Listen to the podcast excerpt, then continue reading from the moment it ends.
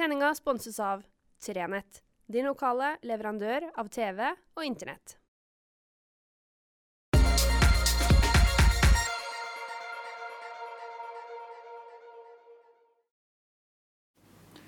Riktig god fredag. Dette er faktisk en, en veldig så bra fredag. Og det er ikke bare fordi at sola skinner og det er blankstilla ute og alt er helt perfekt. Men det er fordi at det ble ei veldig bra uke, kjenner jeg på. Eh, jeg gikk inn i denne uka, var jeg veldig spent. Eh, jeg dro opp til Alta på, på søndag for å være på ledersamling, seminar, kurs, program. Ja. Og, og mens jeg var der, så var nok hodet mitt bitte litt utafor det jeg burde ha vært. For jeg visste at hjemme lå det mye arbeid og venta. Vi skulle ha livesending på onsdag. Vi skulle ha en sofaprat på halvtid med fire flotte, spennende politikere. Og det gikk for så vidt veldig bra. Anbefaler dere å se den. Det ble en fin samtale mellom fire politikere eh, som i stor grad er enige om noe, men også ganske rivende uenige om hvordan Troms og Finnmark skal komme seg gjennom skilsmissen og hva som skal bli til etterpå. Det ble en veldig fin samtale. Den var det selvfølgelig lågkverna i bakhodet. Eh, og så har vi jo opptak til Mesterkampen. Eh, opptakene og resultatene får dere ikke se før, eh, før vi kommer godt ut på eh, ja, Kanskje det begynner å nærme seg godt ut på vinteren, men vi skal gjøre opptakene nå. Jeg vet at det kommer til å bli bra. Vi skal være i fantastiske Reisadalen. I fjor var vi jo i nydelige Lyngen.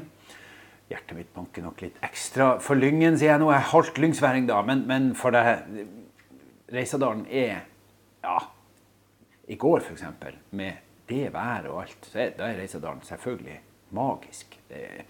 Kjøre opp der, plassen, stedene Det er en helt annen plass selvfølgelig enn kysten.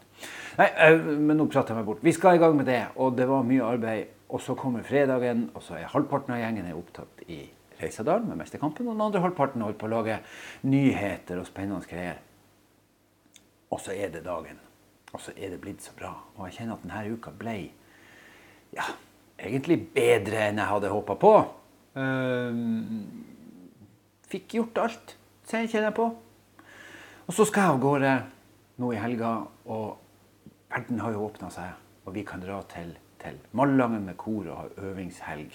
Være sammen med venner, familie faktisk. I det hele tatt. Da er det mange gode grunner til at det er en god fredag. Og når du da i tillegg kan glede deg over at det har begynt å komme norske hure epler Du vet når du spiser noe du kjenner her. En, en stor takk til norske bønder. Jeg syns jeg ikke helt fint kan ta med når vi skal framsnakke. Mm.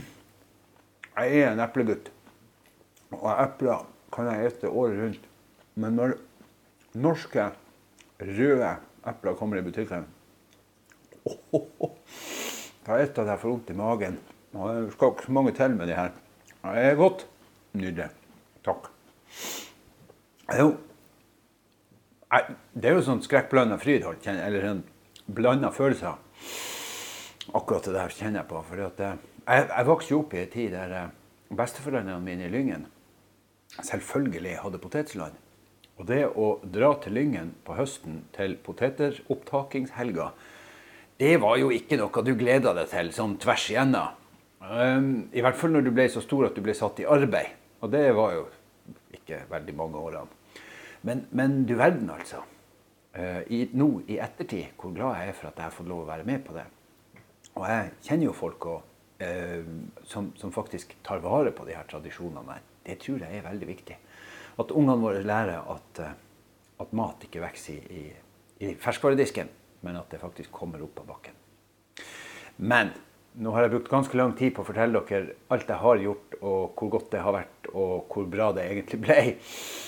Jeg har lyst til å bruke de siste minuttene i dag på å rett og slett framsnakke en gjeng med folk eh, som har stått på ja, hva remmer og tøy kan holde de siste månedene.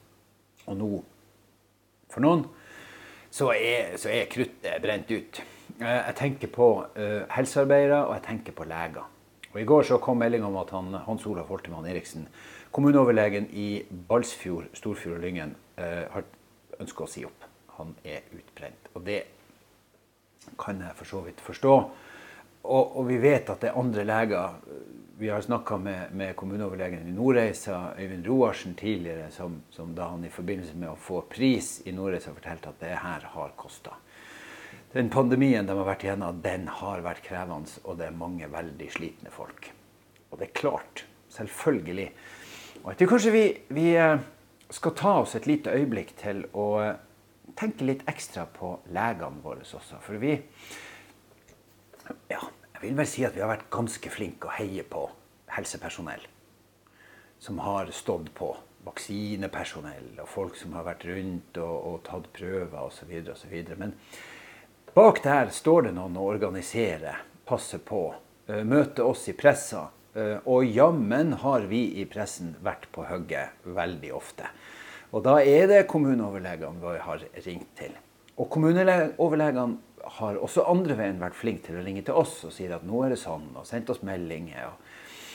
Så alle i Kvitt har virkelig stått på de her månedene.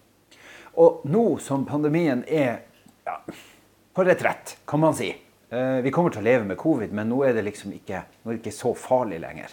For noen folk er selvfølgelig covid fortsatt farlig.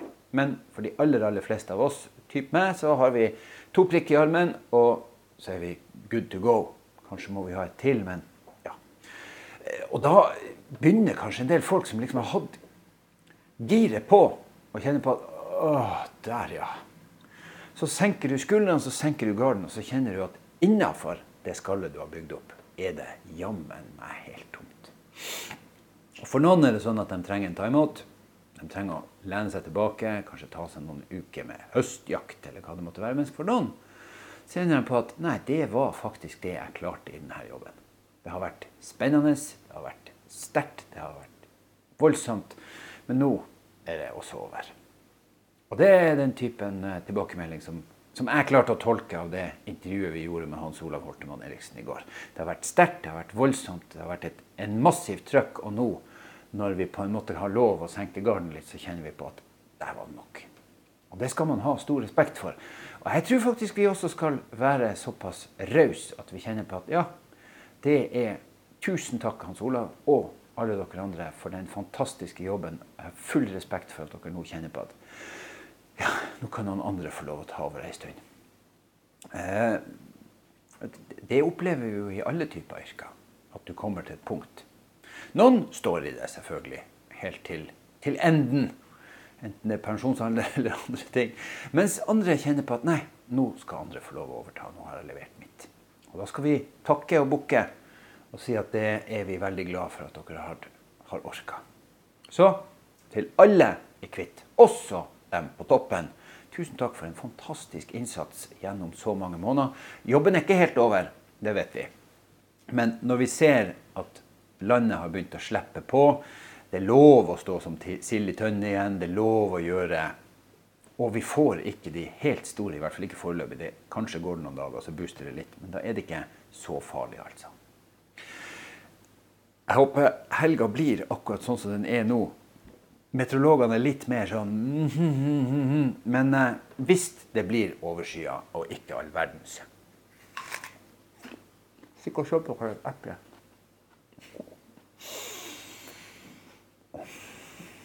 Og, og vet dere hva jeg sitter og tenker på mens jeg spiser det her fantastiske eplet? Jeg sitter og tenker på at det hadde vært sinnssykt godt med kålrabi. Ha ei god helg. Vi høres snart igjen.